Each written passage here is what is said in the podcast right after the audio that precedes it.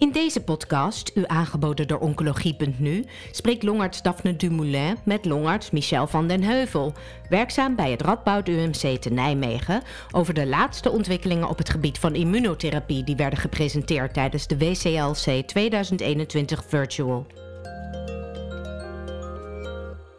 Welkom bij deze podcast over de nieuwste ontwikkelingen op het gebied van uh, immuuntherapie, uh, die gebracht zijn tijdens de WCLC van 2021. Voor deze podcast hebben we professor Dr. Michel van der Heuvel uitgenodigd, longarts-oncoloog in het Radboud UMC. Uh, welkom Michel.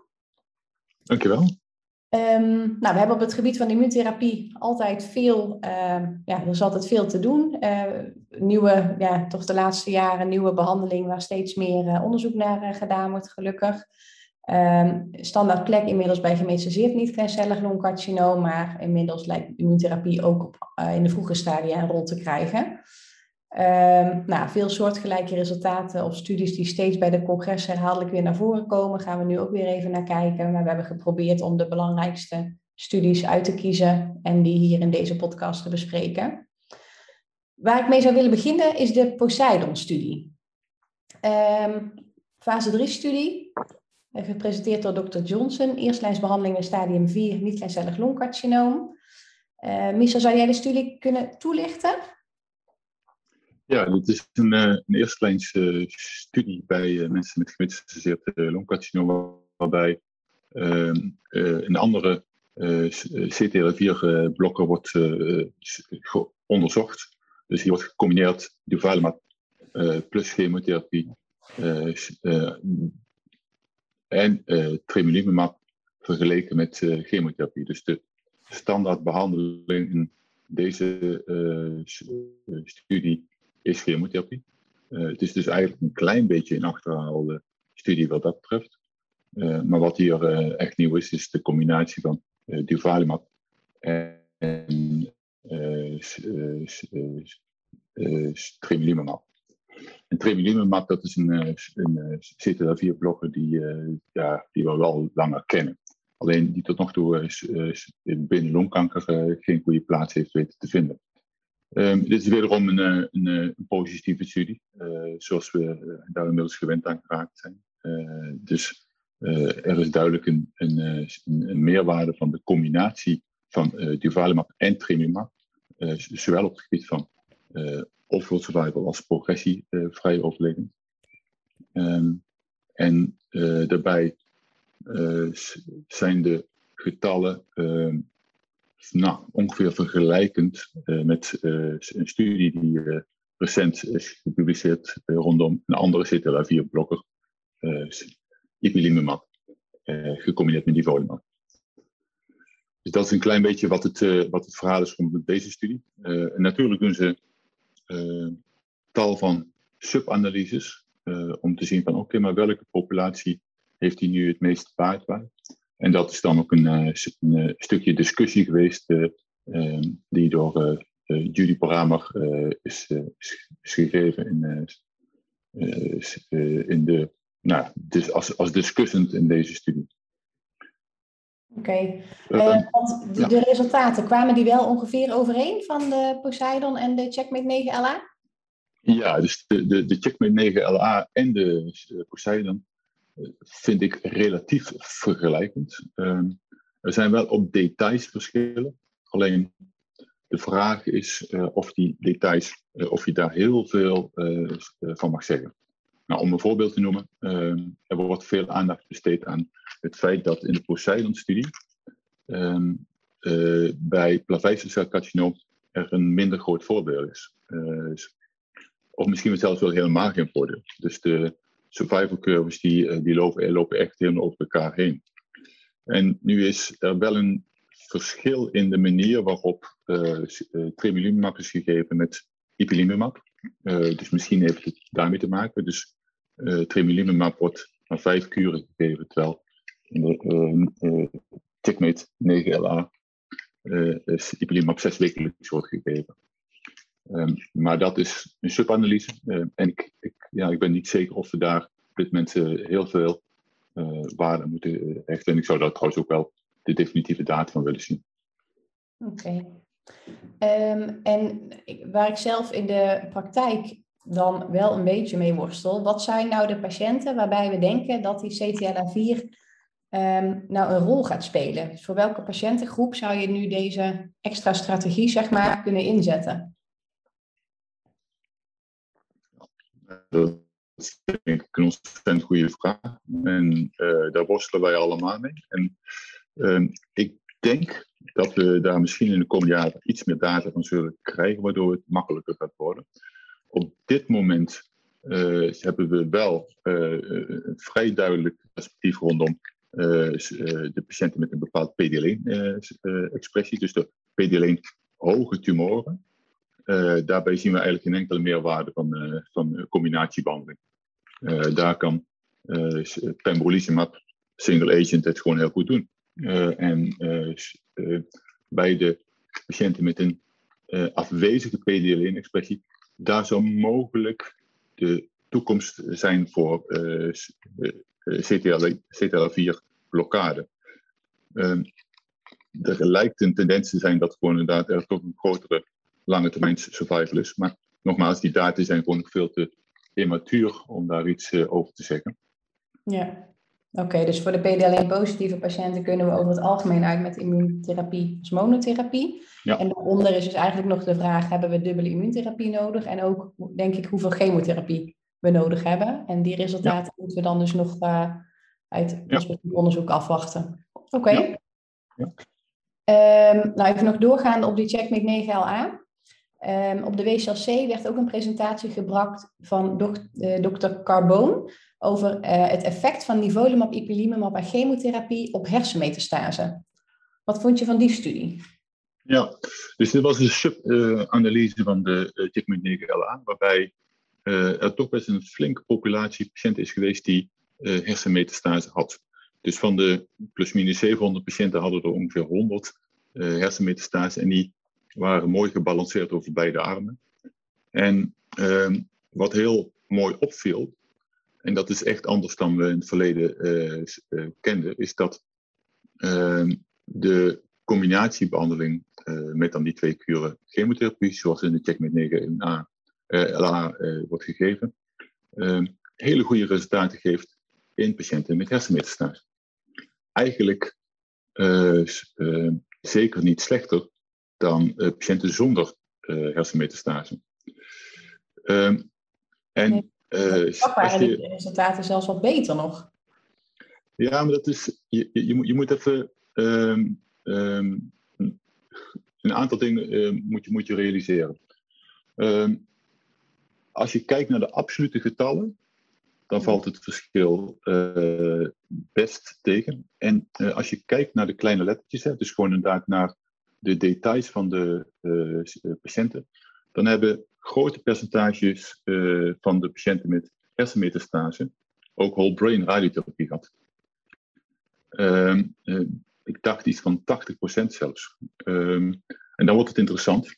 Ehm, dus heeft dat misschien toch nog een, een, een, een additief effect. Hè? Uh, we weten inmiddels inderdaad dat radiotherapie wat doet uh, op het immuunsysteem. Nou, anyway, uh, dit blijft speculeren. Het is daarnaast een, een, een, een subanalyse. Het verschil met de controlegroep is echt gigantisch. Hè? immunotherapie plus chemotherapie doet het echt vele malen beter dan de chemotherapie alleen. Dat is echt een, verschil van, uh, ik dacht iets van uh, 70 procent. even kijken, 70 procent in jaarsoverleving dacht ik versus, versus 20 procent. Moet even kijken hoe dat, maar in ieder geval echt grote verschillen. Um, maar ik denk dat de absolute verschillen met in extra craniële ziekte uh, denk dat die waren niet zo groot. En dat zou best kunnen zijn dat hier radiotherapie uh, een verklaring is. Ja, dat juist de radiotherapie ervoor zorgt dat de responsen beter zijn. Dat kan, ja. Ja. Dat kan. En, en, want er was ook een andere studie um, bij patiënten met chemotherapie gecombineerd met atezolizumab, met onbehandelde hersenmetastase. Hoe waren ja. daar de resultaten van? Ja, ook daar ben ik eigenlijk wel weer tevreden. Het is natuurlijk wel een kleine studie. En, ja. die studie 40 patiënten geloof ik. Van 40 patiënten. Ja. Dus, ja, en die, die krijgen dan inderdaad uh, carboplatin met plus uh, atezolizumab. En ook daar zie je wederom dat ehm, ja, de resultaten uh, goed zijn hè, met een, een responsrate van rond de 40, 50 procent. Ja, dat is echt gewoon helemaal niet slechter dan wat we gewend zijn van patiënten die alleen maar systemische ziekte hebben. En ja, dat is echt niet te vergelijken met, met de studies rondom chemotherapie en eigenlijk ook een doelgerichte therapie in het verleden. Nee, Nee, wat ik, ik, begreep was dat inderdaad die respons cerebraal overeenkwam met de systemische respons. Um, ja. En wat ik me dan wel afvraag, of dat wat we nu natuurlijk doen, symptomatische hersenmetastase, die over het algemeen gaan we die dan eerst bestralen, eh, waarna we dan de systemische behandeling starten. Aan de andere kant, als die responsrate nou 40, 50 procent is, zou je er misschien ook voor kunnen kiezen om dan, als dat kan, Ehm, afhankelijk van conditie van de patiënt en klachten van de patiënt uiteraard. Ja. Of je misschien de respons kan afwachten. Ja, ja dat is een uitermate interessant concept, hè, omdat we gewoon inderdaad, we krijgen nu steeds meer uh, lange termijns uh, overlevers. Ehm, en we weten eigenlijk dat uh, radiotherapie op het brein op het korte termijn misschien wel niet zo ontzettend toxisch is, maar op lange termijn best wel een effect kan hebben op cognitie en op allerlei eh, hersenfuncties. Eh, dus op het moment dat je dit zou kunnen uitstellen, ehm, als dat veilig is, dan zou dat geweldig zijn. En deze data, die suggereren heel erg dat dat kan. Nou, de, nogmaals, de check met 9LA, daarvan kun je niet zoveel zeggen, want ik denk dat een groot deel van die mensen zijn bestraald. Maar dit is een studie waarbij je wel wat kunt zeggen. Ja. Ja, aan de andere kant, op het moment dat je natuurlijk denkt dat die radiotherapie uh, juist zorgt voor meer ja. uh, immuuntherapie-effect, dan laat je dat stukje dan misschien weer liggen. Maar goed, ja, dat is wat denk ik prospectief onderzocht moet gaan worden dan. Ja, ja, dat zullen lastige studies zijn, want dat zijn grote studies om het verschil aan te tonen. Ja, en moet je denk ik ook maar uh, nou, durven eigenlijk ook wel. Hè? Als je een patiënt hebt met ergens metastase, of je durft om die respons af te wachten. Het zal ook misschien nog aan de dokter liggen. Ja. Um, ander veelbesproken onderwerp, de immuuntherapie bij de beperkte stadia longkanker. Ja. Uh, ja, we hebben bekende studies in de neoadjuvante setting en in de adjuvante eh, setting. Um, misschien kunnen we beginnen met uh, Impower uh, 010. Dus de ja. Studie waarbij adjuvant atezolizumab werd gegeven na eerst resectie, daarna adjuvant chemotherapie en daarna randomisatie tussen atezolizumab versus best supportive care. Um, hoe waren die resultaten?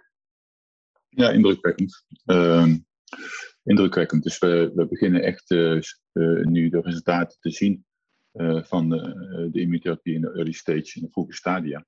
En ehm, nou ja, de neoadjuvante studies die zijn nog wat minder matuur, maar de adjuvante studies die zijn bijna matuur. deze studie is qua overall survival nog niet helemaal matuur. maar het is een hele grote studie uh, met, met diverse ruimte voor, voor primary endpoints. het was gebouwd op de, de PD1 hoger dan 1%.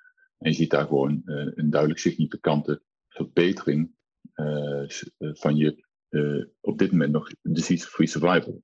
dus we hebben nog niet over overall survival. Ehm, maar eh, wel hele mooie getallen waarbij je eh, moet denken aan eh, de orde van ergens boven de 70% aan een tweejaars ziektevrije overleving. in vergelijking met 60% bij de, de controlearm. En die, die verschillen die zijn dan bij die PD-alleen positieve patiënten, maar eh, eh, vervolgens eh, is dat ook nog aanwezig bij, de, bij alle patiënten en ook bij de intention to treat analyse. Dus dit zijn, dit zijn hele sterke data die de meerwaarde van immuuntherapie in early stage, zeg maar na afronden van, van ja, je definitieve behandelingen, de resectie en de chemotherapie, aantonen. Mooie data. En, en is, er dan, is dat dan voor elke patiënt? Of is er dan nog, want dan kon je zeggen bij alle PD-alleen-expressies, heeft het meerwaarde? Ja, het, oh, ja dus de effecten zijn absoluut wel het, het, sterkste bij, denk ik, bij de, bij de uh, PD-alleen positieve patiënten. dat, dat is absoluut zo. Ehm, maar in die in, analyse hebben ze de mogelijkheid gemaakt om alle patiënten te behandelen. En daar ook zie je een, een, een meerwaarde. Maar de, de beste effecten in de, in de subanalyse uh, zie je wel in de PD-alleen positieve patiënten. En daarbij zie je ook dat zeg maar, de PD-alleen sterk positieve patiënten, die doen het, die doen het, het beste. Ja. Wat, ja, wat verder ook opvalt, is dat gewoon, ook als je naar klinische karakteristieken kijkt, en dat is ook wel interessant zie je dat de mensen die een lobectomie doen, die hebben het voordeel. Um, en ik denk eigenlijk dat we, als we goed naar de data gaan kijken, we nog wel meer zeg maar, kunnen gaan zien uit die subanalyse. Maar het lijkt dus inderdaad met name een mooie behandeling te zijn voor PD-1 positieve patiënten en patiënten die een lobectomie hebben gehad. Oké. En in de neo-adjuvante setting, daarvan werden nu ook twee uh, studies gepresenteerd. De grootste, de NADIM-studie. Um, Zou je de studie willen toelichten? Ja, het is dus zeg maar de, uh, om even het verschil te, te, te, scheppen. Dus de, de 010, dat is eigenlijk een, een stadium 2 tot stadium uh, eh, 3a populatie. En de NADIM-studie, is een, eh, een ongecontroleerde studie, dus een eh, single agent studie. Kleine studie. nou ja, klein. ik dacht ook weer een, iets van 40, 50 patiënten. En dat is alleen maar stadium 3a. Dus dat is eigenlijk een iets ongunstiger stadium. Die patiënten, daarvan, als je naar Nederland kijkt of naar Europa, dan wordt maar een klein deel van die patiënten ge geopereerd. En die patiënten worden in deze studie Ehm, eh, behandeld, voorbehandeld met immuuntherapie en chemotherapie. Ehm, daarbij kiezen ze dan wel voor een wat toxischer uh, chemotherapie-schema van carboplatin en paclitaxel. Ehm, en twee kuren, als ik het goed heb. En dan zie je ja, echt wel geweldige tweejaars overleving, uh, tweejaars ziektevrije getallen van. Ja, er waren drie kuren carboplatin, paclitaxel en niveau. Over de 80 procent. Ja. Ja. Oké. Ja. En deze mensen die worden, en dan moet ik het nog even goed zien, want deze mensen die krijgen ook, dus die krijgen een voorbehandeling en ook een nabehandeling. Ook een adjuvante behandeling. Die krijgen ook nog acht, acht maanden, die krijgen ook een, precies voor acht maanden dus, en dat is denk ik ehm, ook wel een interessante toevoeging. En het zou best kunnen zijn dat dat uh, ook relevant gaat, uh, gaat worden. Dus uh, het is echt een voor- en nabehandeling. Totaal is het overigens maar een jaar. Dus het lijkt een klein beetje op, een, op de Pacific schema's, hè, waarbij adjuvant wordt gegeven na een zware voorbehandeling. Ehm, maar in ieder geval een, een, een, een, een uitermate interessante data waarbij het, ik, het, het zou best kunnen zijn dat we hier een, een optie gaan krijgen. Maar nogmaals, hè, er moet heel veel onderzoek nog gaan gebeuren. Waarbij we patiënten kunnen gaan voorbehandelen met, met hoge uh, ziektecontrole uh, voorafgaande aan de, aan de chirurgie. Ziektecontrole 100%. Ehm, en ehm, daarmee een alternatief hebben voor chemoradiatie. Ehm, en dat is wel nieuw. Nogmaals, het is een kleine studie. Er, zal nog heel veel water door de waal gaan. Dat zeg ik altijd als Nijmegenaar. maar het is, het is wel een, een mooie, mooie resultaten. het is natuurlijk wel zo dat de studie, de nadimstudie, um, de meeste mensen hier hebben N0-ziekte of N1. wat natuurlijk in de Pacific-studie niet zo is. Nee, klopt. Dus, nee, klopt. Nee, er, is, er is absoluut. Je mag, je, mag het, je mag het eigenlijk feitelijk niet met elkaar vergelijken. Maar het is een stadium 3 studie, dus het is een iets lager stadium als zeg maar de Pacific-studie. Maar wederom een hoger stadium dan de ja, adjuvante studies ja. naar ja. sectie. Dus het, het, zit er een beetje tussen. Uh, maar de resultaten die, uh, die zijn, ja, die zijn zeker te vergelijken met de adjuvante studies. Eigenlijk op het oog misschien wel beter. maar dat, is, dat mag je niet doen. En ja. Ja, want wat zou jouw voorkeur hebben? Neo-adjuvant of adjuvant? nou, dat, ik, ik, ik denk uh, dat wij. Uh, en adjuvant. Uh, nou, ik, zeg, ik zeg altijd, we laten het afhankelijk van multidisciplinair overleggen. maar we hebben behoorlijk veel patiënten die we niet kunnen opereren. we hebben daarbij toxische behandelingen. En ik denk dat we in, de, in de loop van de jaren nu studies gaan zien om dit probleem op te gaan lossen. stadium 3 is een hele heterogene ziekte. en ik denk niet dat er een one size fits all gaat zijn. Er zijn, zijn tal van patiënten waarvan je zegt, oké, okay, chemoradiatie is prima. de verwachte toxiciteit is, is, is, zeer beperkt en adjuvante behandeling is prima. Ehm, en ik denk dat er een grote groep zal zijn waarbij je gewoon eigenlijk wil downsta downstagen of downsizen. en die studies die gaan best complex worden. Um, ja en ja, nogmaals, ik, ik vind uh, zeg maar de, de uh, behandeling met, met toxische uh, schema's, chemoradiatie, nou, toxisch, het zijn best zware behandelingen. En ze kunnen gewoon inderdaad voor sommige mensen toch wel heel erg belastend zijn. Ja. Als je die kunt voorkomen, dan is dat, is dat echt mooi. Ja, het is natuurlijk wel lastig inderdaad om ze met elkaar te vergelijken, omdat ze ehm, nou, bij de Pacific bijvoorbeeld, je moet eerst de chemoradiotherapie doorstaan hebben, waarmee je denk ik al een selectie van je patiënten hebt die überhaupt uh, in aanmerking komen voor een adjuvante behandeling, want anders doen ze dan niet meer aan de studie mee. En je mist natuurlijk een stukje van je eh, PFS, zeg maar, omdat ze pas na chemoradiotherapie worden geïncludeerd. Dus het zal niet makkelijk zijn, denk ik, ja. om het naast elkaar te leggen.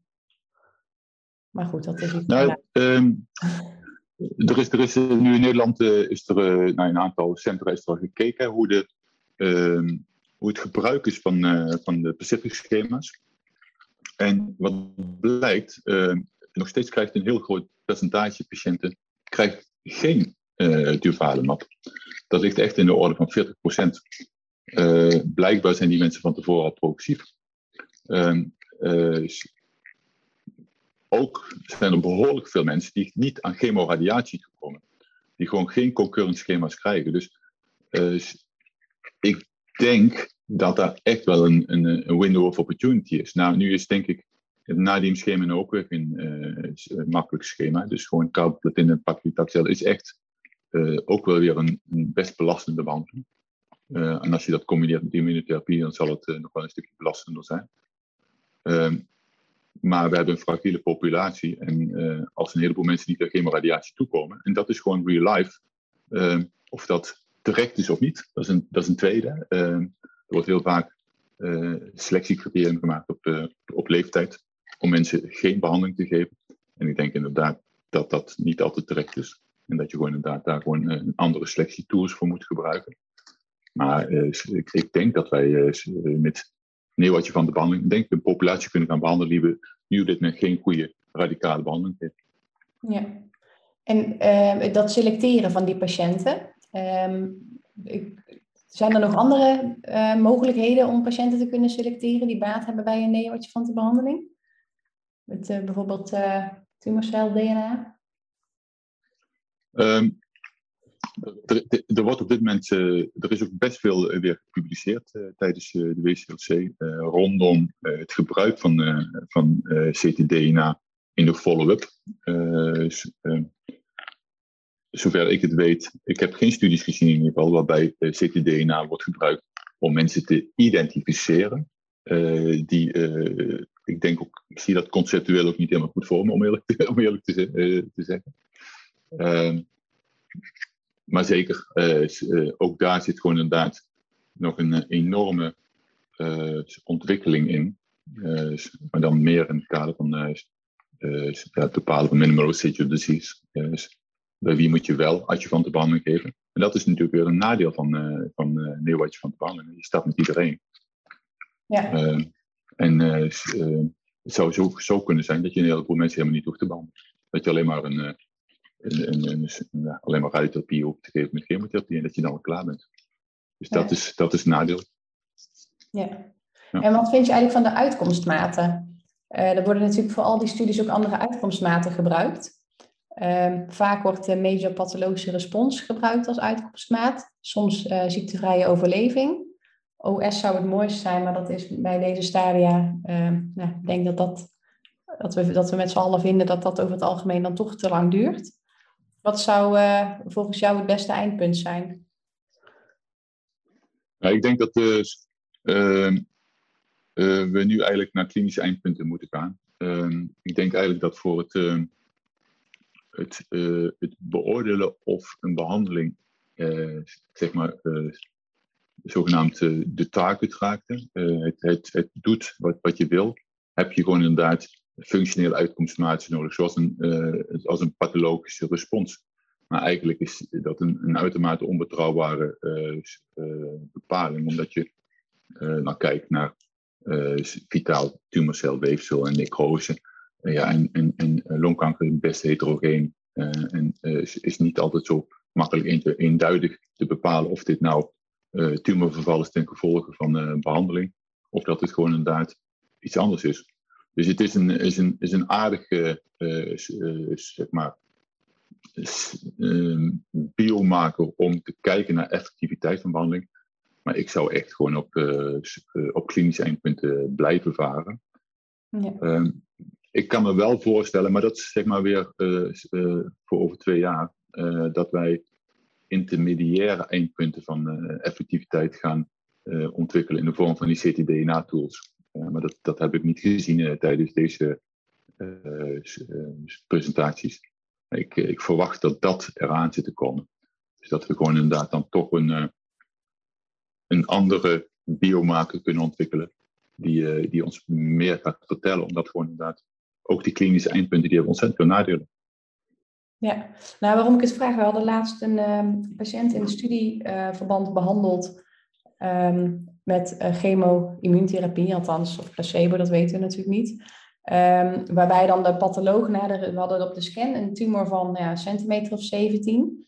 Uh, eh, vervolgens respons na de uh, neoadjuvante behandeling. Die tumor was op de scan nog maar een keer centimeter of drie groot.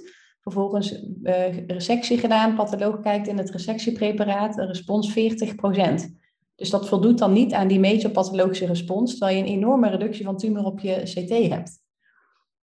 Dus dan, ja, dat, dat, ja voor je gevoel, zeg maar, weet je dan niet altijd of dat je nou dan daarmee de juiste um, ja, uitkomstmaat te pakken hebt. Nou, je wil eigenlijk zeggen, je weet dat je niet een goede uitkomstmaat te pakken hebt. Ja. dat is waar. Ja, dat is nou. Dan, zie je opeens dat zijn uitkomstmaat toch anders. Uh, nou ja, eh, voordat ik die patiënt zag, had ik een ander gevoel erbij, laat het zo zeggen. ja, en dan, en dan moet je nog. Dan heb je het nog niet gehad over de eenduidigheid van de beoordeling. Ja, wat is, uh, wat is uh, 50%, wat is 40%, wat is uh, 60%? Ja. Uh, laat daar maar eens een keer uh, analyses op plaatsvinden. Ik ben bang dat dat uh, best tegenvalt over de reproduceerbaarheid van, van dat soort observaties. Ja. ja. ja. en dan had ik um, ja, ook nog als puntje de moleculaire diagnostiek bij deze tumoren. Die worden in de praktijk ook niet standaard ingezet. Um, terwijl we in de praktijk patiënten met bijvoorbeeld een EGFR-mutatie in ieder geval niet op eerste, in, in de eerste lijn immuuntherapie zouden geven, um, die zou je nu in deze beperkte stadia wel immuuntherapie geven, terwijl ze in studieverband natuurlijk vaak worden uitgesloten, maar wij ze in de praktijk of vooralsnog niet testen. Wat, uh, wat vind je daar? Wat zou je daarmee doen? Nou, de vraag is me beantwoorden, denk ik. Hè? Uh, ik denk dat je gelijk hebt. Um, ehm, ik denk dat wij op hele korte termijn dit gewoon in heel Nederland als een standaard moeten neerzetten. Dat vergt nog wel wat massage, omdat er gewoon inderdaad ook wel wat kosten tegenover staan. En omdat inderdaad op dit moment uh, EGVR het enige target is wat op termijn, waarvan we op termijn een registratie in de setting kunnen verwachten. Ehm, maar dat gezegd hebbende, uh, al die andere uh, targets van doelgerichte therapie, ja, die zullen ook niet erg positief zijn voor de kans op respons. Bedoel, als ik een ALK heb, dan zou ik ook geen immuuntherapie willen in de, in de adjuvante, dan wel neoadjuvante setting. Daar verwacht ik niet heel veel van. Kortom, dat hebben we nog niet aangetoond. Hè? Dus elke keer moet je weer bij jezelf na, nagaan uh, of uh, hetgene wat je hebt gezien in stadium 4 hetzelfde is als wat je uh, gaat zien in early stage. We hebben dat gewoon niet goed onderzocht. Maar conceptueel eh, verwacht ik daar inderdaad helemaal niet zoveel van. dus ja, wat mij betreft gaan we iedereen uitgebreid analyseren preoperatief dan wat postoperatief. En doen wij een volledige moleculair profiel, profilering. Ja. ja want... inclusief PD-L1-status. Ja. want behalve dat het mogelijk minder effectief zal zijn, ben je denk ik ook nog bang voor meer toxiciteit wanneer je iemand met een driver-mutatie um, een TKI gaat geven na het geven van immunotherapie. Dus dat ja, dat, dat is. Uh, ik, hoor, ik hoor daar wel heel veel ik, ik, ik, hoor, dat argument veel. Um, en um, dat is misschien toch wel aardig om dan uh, uh, een van de laatste studies uh, te, te, te beschrijven. Hè? Mm-hmm. Er is een studie ook gepresenteerd tijdens de WCLC bij patiënten die uitbehandeld zijn met EGFR en ALK. Um, om te kijken of daar toch nog een meerwaarde is van immuunchemotherapie. We nemen allemaal aan dat immuuntherapie bij EGFR en ALK uh, uitermate ineffectief is, maar zou een combinatie van pembrolizumab, uh, pemetrexed en carboplatin in die setting wel effectief zijn. Nou, dan kun je ook direct als het ware uh, dat concept rondom toxiciteit, die vermeende toxiciteit die, die, die iedereen verwacht, kunnen onderzoeken, ook al is dat een, deze studie niet goed onder, onderzoekbaar ook. Maar ze zien eigenlijk, en dat vond ik toch wel weer mooi, dat de groepen die uh, positief zijn, die hebben toch wel een aardige responsrate. Uh, studie is klein, 20 plus patiënten met EGFR en, en, minder dan 10 patiënten die ALK hebben, uitbehandeld op dat gebied. maar je hebt, je hebt in die EGFR patiënt heb je dan toch nog een overall survival van ergens rond de 20 maanden.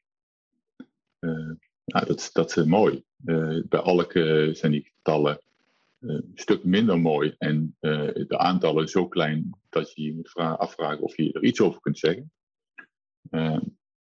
maar ik denk dat het toch een optie is in deze groep op een gegeven moment gewoon inderdaad ze toch immuunchemotherapie te geven.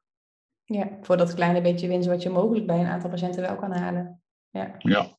Ja, en met name als ze daarna natuurlijk geen uh, mogelijkheid meer hebben voor doelgerichte therapie. Precies. Precies. Als je gewoon, uit, als je, als je gewoon echt uitbehandeld bent, uh, dan is dat een, uh, nou, vind ik dat wel een aantrekkelijke optie. nogmaals, deze studie die was gepresenteerd door, door Capital. Die is erg klein. En die, die kun je eigenlijk helemaal niet goed gebruiken uh, om in de kliniek nu keuzes te maken. Dus wat dat betreft vind ik de, de biostudie uh, die op dit moment plaatsvindt uh, in het UMCG, waar een heleboel mensen aan meedoen, rondom EGFR. Waarbij we die mensen behandelen met, als ze uitbehandeld zijn bij EGFR, met chemo-immunotherapie, maar dan wel een heel complex schema. Dus het schema van atezolizumab, bevacizumab, uh, carboplatine, paclitaxel. Ja, dat, ik denk dat we gewoon al die mensen, als ze niet in een andere studie behandeld kunnen worden, wel de kans moeten geven om, te, om, om, om ook, ook voordeel te hebben van immuuntherapie ja. in deze studie. Oké. Oké, duidelijk. Ja, wat mij betreft waren dat de belangrijkste uh, nieuwsdingen vanuit de WCLC van dit jaar. Uh, dank Michel voor je bijdrage. En nou ja, misschien tot nog eens. Dankjewel. Bent u geïnteresseerd in meer podcasts? Deze zijn te vinden op de website oncologie.nu.